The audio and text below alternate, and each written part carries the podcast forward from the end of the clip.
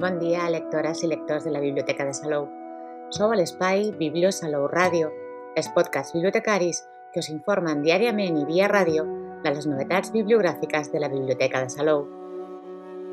Els podcasts dels dilluns us parlaran del que podem trobar a les xarxes sobre una de les novetats de coneixements per a adults del trimestre i avui, 19 d'abril, us presentem l'última lliçó, la meravellosa clau per fer que la teva vida brilli, del japonès Yoshinori Noguchi, editat en català per l'editorial Coma Negra.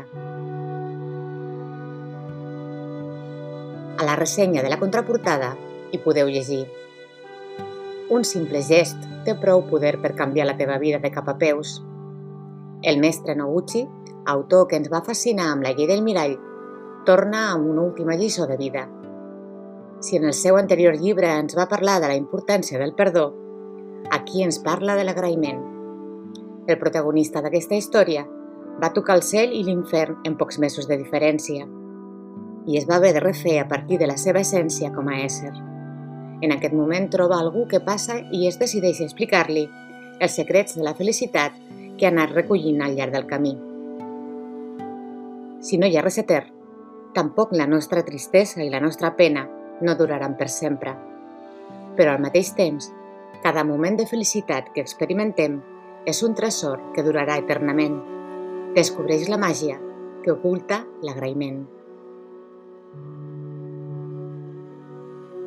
Molt més que un llibre d'autoajuda, publicat en català el 2020, enquadernat en rústica, amb 104 pàgines que exploren una història sobre el poder de l'agraïment i convida el lector a intentar desprendre's del que és superflu.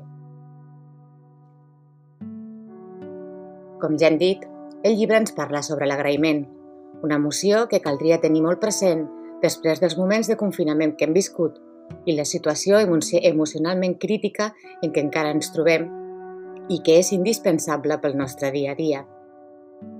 L'última lliçó ens explica la importància de donar les gràcies a les persones que es creuen en la nostra vida i ens donen un cop de mà.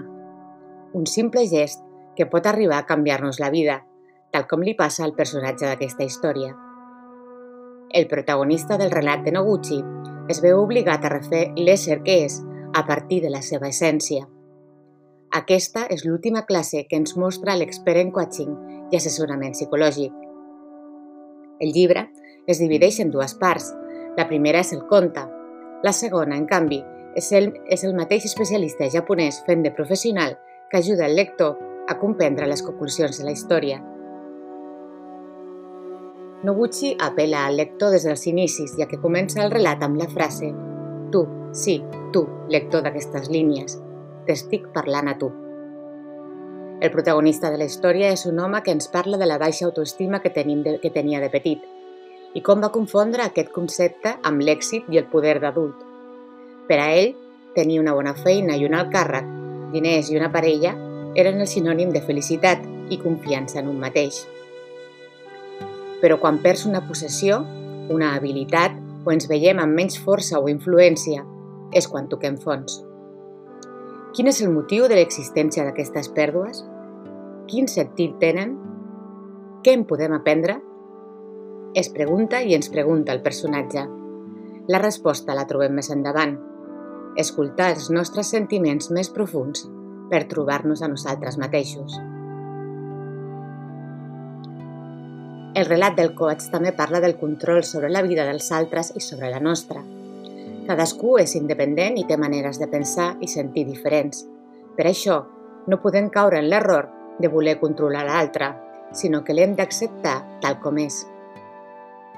Però control no significa ajudar, i en el fons tots necessitem que en algun moment o altre ens donin un cop de mà, perquè com diu Noguchi, des que vaig néixer i fins al dia d'avui he pogut fer tot el que he fet gràcies a la col·laboració de molts éssers.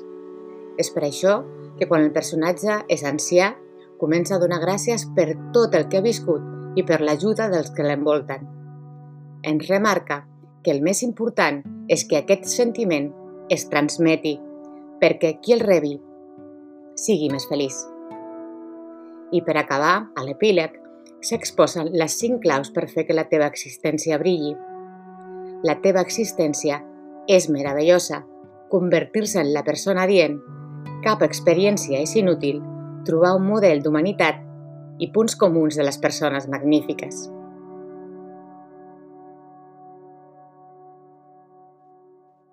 Parlem ara de l'autor.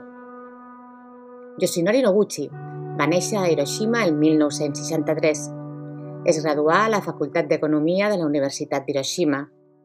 Durant els anys a la universitat llegí tot el que trobà sobre psicologia i filosofia de l'èxit. Després de graduar-se, treballà a l'empresa de recursos humans Recruit. Posteriorment decidí que el seu futur professional devia decantar-se cap a professor d'assessorament psicològic i actualment dona classes a més de 30.000 persones. El 1999 obrí una consultoria i en 2003 fundà l'empresa Watching Management i des de llavors ajuda els seus clients a autorrealitzar i aconseguir els seus objectius. Si sabeu japonès, podeu seguir els seus consells sobre creixement personal i la seva filosofia de vida al seu blog Nokuti Yoshinori, blog para fortalecer el éxito y la felicidad. Yoshinori Noguchi es convertí en un autor internacionalment reconegut arrel de la publicació en 2006 del relat La llei del mirall.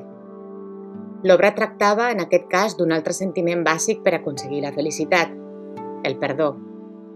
Es basava en el precepte que per assolir la pau interior hem de ser capaços de perdonar. Perdonar-nos primer a nosaltres i després als altres. Perdonar per a Noguchi és alliberar-nos del passat i viure el present amb calma, sense retrets. I per assolir aquest perdó universal es basa en la llei del mirall. La vida és un mirall que permet veure com som a nivell personal i ens dona l'oportunitat de modificar i desenvolupar-nos fins on cadascú vulgui arribar. Aquesta proposta en les relacions humanes ve a dir que els sentiments negatius cap a algú provenen del nostre interior i no directament de l'altra persona. Els sentiments, creences i pensaments, doncs, s'originen al nostre cor i nosaltres som els darrers responsables a l'hora de gestionar-los adequadament. És a dir, no veiem els altres tal com som, sinó com els veiem com som nosaltres. Les emocions desagradables que ens susciten els altres poden ser el reflex d'algun aspecte propi que no volem veure, que cal tenir en compte i treballar-hi per modificar-lo. És a dir, que no hem de buscar la solució als problemes externament, en els altres, sinó que hem de prendre autoconsciència i posar voluntat per canviar allò intern que ho genera. Hem buscat l'autor a les xarxes i a banda del blog en japonès abans citat, també té perfil a Facebook, igualment en japonès, i sense activitat recent. No té perfil a Twitter ni a Instagram. Buscant el catàleg Argus del Sistema de Lectura Públic de Catalunya, trobem disponible en català i castellà La llei del mirall, La llei de l'espejo i l'obra avui ressenyada només en català. I fins aquí el podcast d'avui però tenim més novetats de coneixements per adults que anirem descobrint cada dilluns. Que tingueu molt bon dia i molt bones lectures que us acompanyin en el dia a dia. I per cert, moltes gràcies.